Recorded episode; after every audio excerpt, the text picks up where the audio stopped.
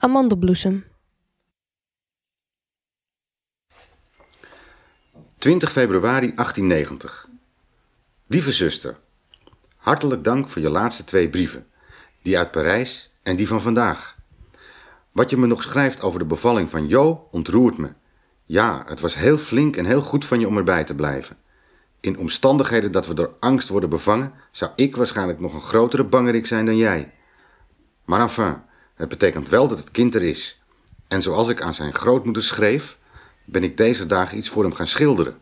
Een groot hemelsblauw doek waartegen zich bloeiende takken aftekenen. Niet onmogelijk dat ik hem binnenkort zie, tegen het eind van de maand. Dat hoop ik tenminste. In gedachten omhels ik je stevig. Nogmaals, veel goeds en een stevige handdruk, Vincent.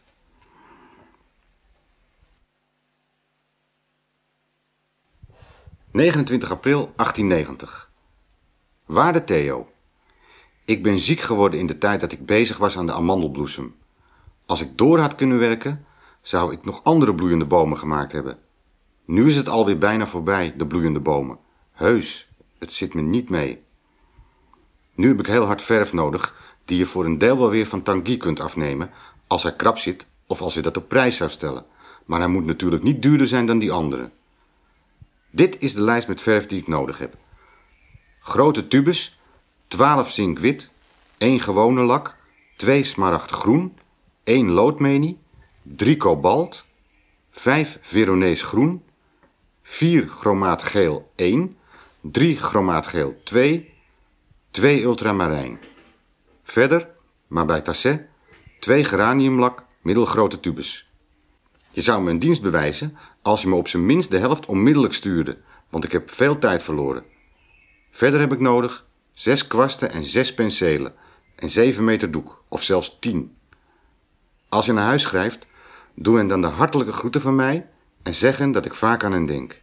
Verder met een stevige handdruk voor jou en voor jou, Vincent. Portret van Marcelle Roulin.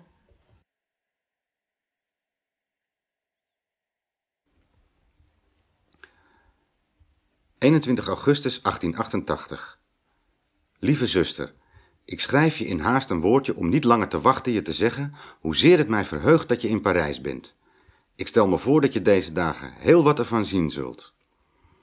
Een volgend jaar, als ik met mijn vriend Gauguin samenwoon... is het niet precies onmogelijk dat het er eens van komt... dat je ook eens tot aan de Middellandse Zee komt. Ik geloof dat je het hier zo mooi zult vinden. Ik hoop dat je een of andere studie van mij van je kamer mee zult nemen... als je naar Holland teruggaat. Als ik het van de moeder en vader gedaan kan krijgen dat ze het me laten schilderen... dan maak ik een deze dagen een kind in een wieg... De vader heeft het niet willen laten dopen. Hij is een sterk revolutionair en toen de familie mopperde, mogelijk om het doopmaal, toen heeft hij gezegd dat het doopmaal toch plaats zou hebben dan, maar dat hij het kind zelf wel dopen zou.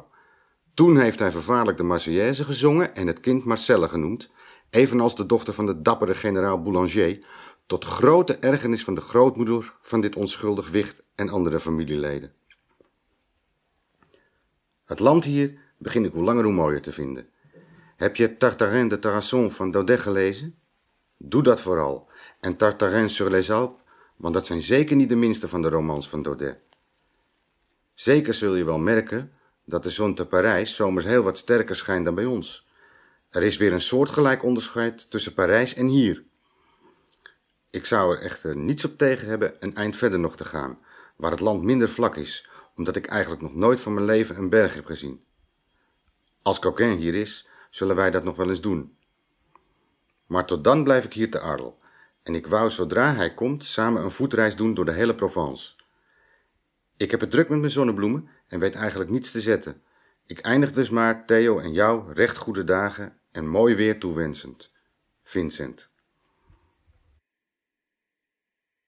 Zegen zich bij La Sainte-Marie de la Mer. 4 juni 1888. Waarde Theo, eindelijk schrijf ik je uit Les Saint-Marie de la Mer aan de Middellandse Zee. De Middellandse Zee heeft een kleur als van makrelen, dat wil zeggen wisselend. Je weet niet altijd of het groen is of paars. Je weet niet altijd of het blauw is, want het volgende moment heeft de steeds veranderende weerschijn een roze of grijze tint aangenomen. Ik heb drie doeken meegenomen en beschilderd. Twee zeegezichten en een gezicht op het dorp. Verder tekeningen die ik per post stuur als ik morgen weer in Arles terug ben. Ik logeer en eet voor vier frank per dag. Ze begonnen met zes te vragen. Zodra ik kan, ga ik hier waarschijnlijk weer heen om nog enkele studies te maken. Het is hier een zandstrand, geen kliffen en geen rotsen. Net als Holland, maar dan zonder duinen en met blauw. De gebakken vis die je hier eet is beter dan langs de Seine. Maar je kunt hier niet elke dag vis eten, aangezien de vissers hun vis in Marseille gaan verkopen. Maar als er vis is, is die verdraaid lekker. Als er geen vis is, is het nogal moeilijk om iets te eten te krijgen, vind ik. Ik ben genoodzaakt mijn drie geschilderde studies hier achter te laten, want ze zijn natuurlijk niet droog genoeg om die straffeloos vijf uur lang bloot te stellen aan het gehobbel in een rijtuig. Op een nacht heb ik over het verlaten strand langs de zee gewandeld. Het was niet aangenaam, maar ook niet triest. Het was mooi. Aan de diepblauwe hemel stonden hier en daar wolken van een dieper blauw dan het blauwste blauw van het zuiverste kobalt, en andere van een helderder blauw, zoals het blauwachtig wit van de Melkweg. Tegen het blauwe fond schitterden de sterren helder, groenig, geel, wit, roze, helderder, fonkelender, meer als edelstenen dan bij ons. Zelfs meer dan in Parijs.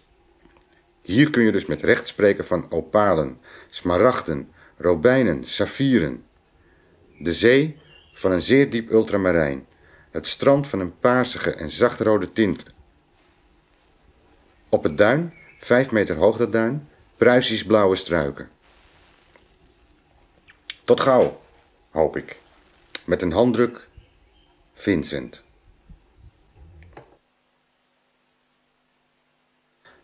...15 augustus 1888. Waarde Theo. Ik was begonnen de doeken te signeren, maar ik ben er snel mee opgehouden. Dat vond ik al te dwaas. Op een zeegezicht staat een heel opvallende rode signatuur omdat ik een rode noot in het groen wilde hebben. Enfin, je zult ze spoedig zien. Aan het eind van de week kom ik wat krap te zitten. Ik hoop dus maar dat ik je brief eerder een dag vroeger dan later ontvang. Met een handdruk, Vincent. De opwekking van Lazarus.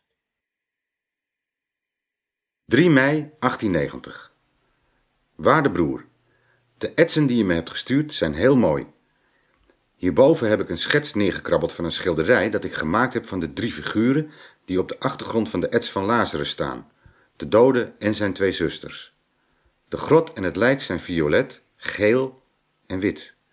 De vrouw die het doek van het gelaat van de tot leven gewekte afneemt, draagt een groen gewaad en heeft oranje haar.